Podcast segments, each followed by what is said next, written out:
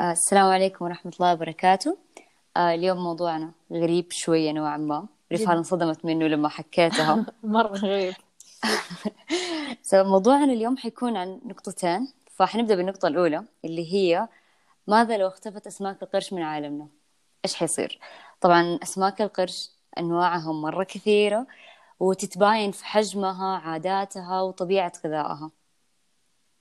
آه، دورها مرة مهم لأنها تحافظ على صحة البحر. بأنها تتغذى على الأسماك الضعيفة والمريضة والمخلفات ولولا وجودها في البحر كانت تعفنت أغلب بحار العالم. آه، هو دورها تقريبا تسوي إنه تضبط التوازن البيولوجي أشياء زي كذا بين الأنواع وتطهر المجال عشان إنه تمنع الازدحام اللي يصير. فهو يكون على حسب قانون الانتخاب الطبيعي اللي هو عملية تحدث في الكون. بواسطة العملية هذه الكائنات الأكثر تكيفا مع بيئتها تبقى على قيد الحياة يعني بالمختصر البقاء للأصلح في معلومة كيف أسنانها تعتبر في حالة تعويض مستمر يعني كون أسنانها قوية جدا فهي اللي تعوض اللي تفقده منه على طول يعني هي أسنانها تعوض بنفسها فاهمة وكمان شيء مرة صدمني صغير اللي هو إنه أسماك القرش ما تنام. فهم يقولوا لها إن هي شرطة البحار ما تت... ما تنام. ما تتوقف على الحركة من ولادتها إلى أن تخرج من الخدمة هذه. آه ويقول إنه لافتقارها لمثانة البول آه مثانة العوم زي باقي الأسماك. طيب دائما أنت اخترت هذا الموضوع الغريب فخلنا أسألك سؤال. أنت عاد تسبح في البحر آه وليش إيه وليش لا؟ وإذا لا؟ إيش إيش هي مخاوفك السباحة لا لا لا ومليون لا كمان. بالنسبة لي أنا مرة أحب البحر بس إني أنزل أسبح فيه أحس لا مرة أخاف من الأسماك. ما أدري مرة يخوف الموضوع. مرة أستمتع لما أروح البحر بس حدي وكذا وأنا واقفة عنده بس أنزل أسبح؟ أبدا لا. ممكن عشان وأنا صغيرة صار لي كم موقف. منها أفتكر مرة نزلت بسبح في البحر وفجأة حسيت بسمكة كبيرة حكت في رجولي وأحس من وقتها وأنا كذا في حالة صدمة اللي هي من جد حكت فيني؟ من جد صار كذا؟ فكمان أفتكر مرة طلعنا أتوقع إنه مع قرايبي. فكان في في البحر زي الجسر كذا مرة طويل نهايته لما وصلنا هناك أنا كنت لساتها صغيرة. سو so, واحد من قرايبي مسكني ونزلني في في البحر. كان وقتها ظلام.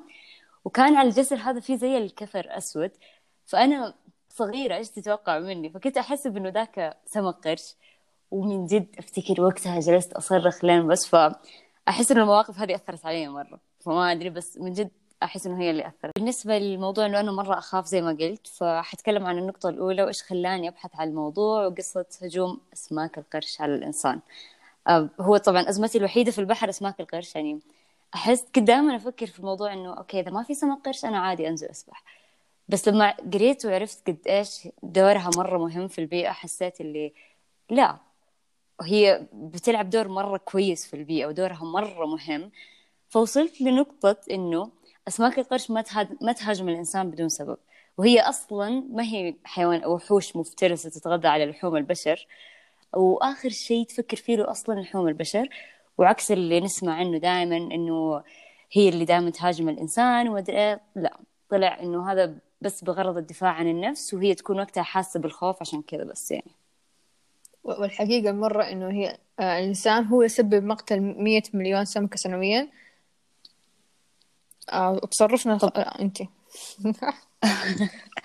طبعا تصرفنا الخاطئ تجاه أسماك القرش في منطقة نفوذها البيئة حقتها اللي هي الناس أصلا بتقول لها إنه هي شرطة البحار فتعتبر منطقة نفوذها فإحنا اللي قاعدين نتصرف بطريقة خاطئة والطريقة هذه وكل الطرق اللي قاعدة تصير تنتج إنه إحنا بنحاول نمسكها تحت الموية وبنقرب منها بحد مرة كبير. فهي تخاف وهذا هو سبب الهجوم على الإنسان إن هي بس بتحاول تدافع عن نفسها وعن المنطقة اللي هي فيها واللي هي بتحاول تحميها تحاول تلعب دورها فيه فالحقيقة إيش هي؟ إنه القروش مو عدو من البشر مهمتها الرئيسية تحقيق التوازن في البيئة.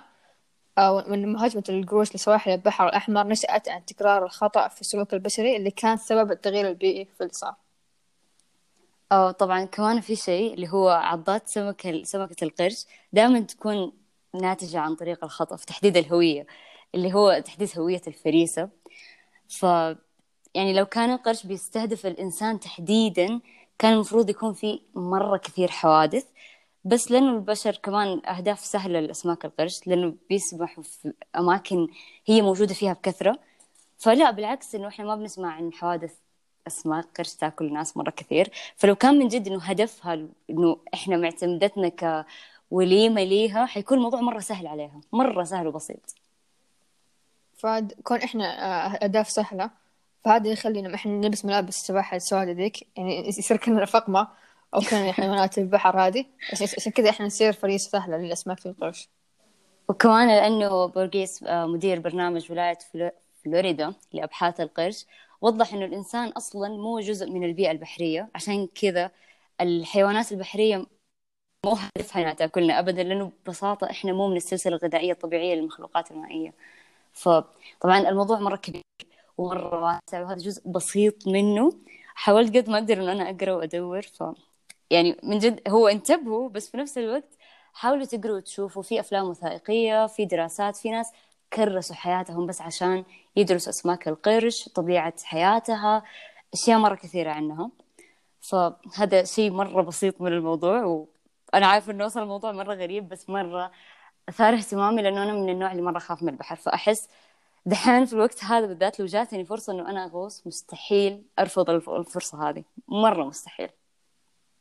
طب دحين بعد ما عرفت عن الموضوع هذا هل خلاص صرت تحب أسماك القرش؟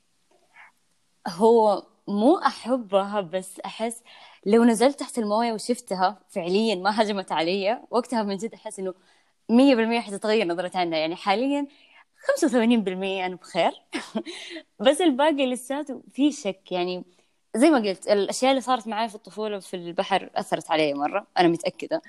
فعشان كذا غير إنه كمان في الأفلام الوثائقية في الأفلام العادية في أشياء مرة كثير الناس كله كلهم بيقولوا إنه بتهاجم الإنسان هدفها فاهم اللي فريستها الأساسية إنه هي بتهاجم الإنسان. بس لما قريت إنه غالبا يكون دفاع عن النفس يكون لنا حاسه بالخوف تكون غلط في تحديد الهوية. غير إنه كمان لما قال إنه لو كان من جد هدفها الإنسان كان من جد شفنا حوادث مرة كثير لأنه إحنا بنسبح في منطقة نفوذها أصلا. ترى غالبا إحنا بنسبح وهي تحتنا بس إحنا ما إحنا حاسين. فكان المفروض يكون في مرة حوادث كثير.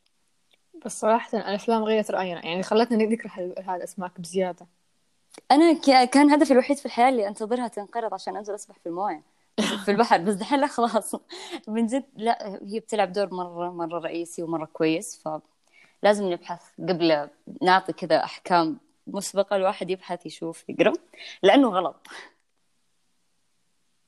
هاي خلاص نختم ولا عندك كلام؟ آه لا أمزن خلاص. طيب يلا في النهاية سبحانك اللهم وبحمدك أشهد أن لا إله إلا أنت أستغفرك وأتوب إليك. شكرا حسن استماعكم. مع السلامة.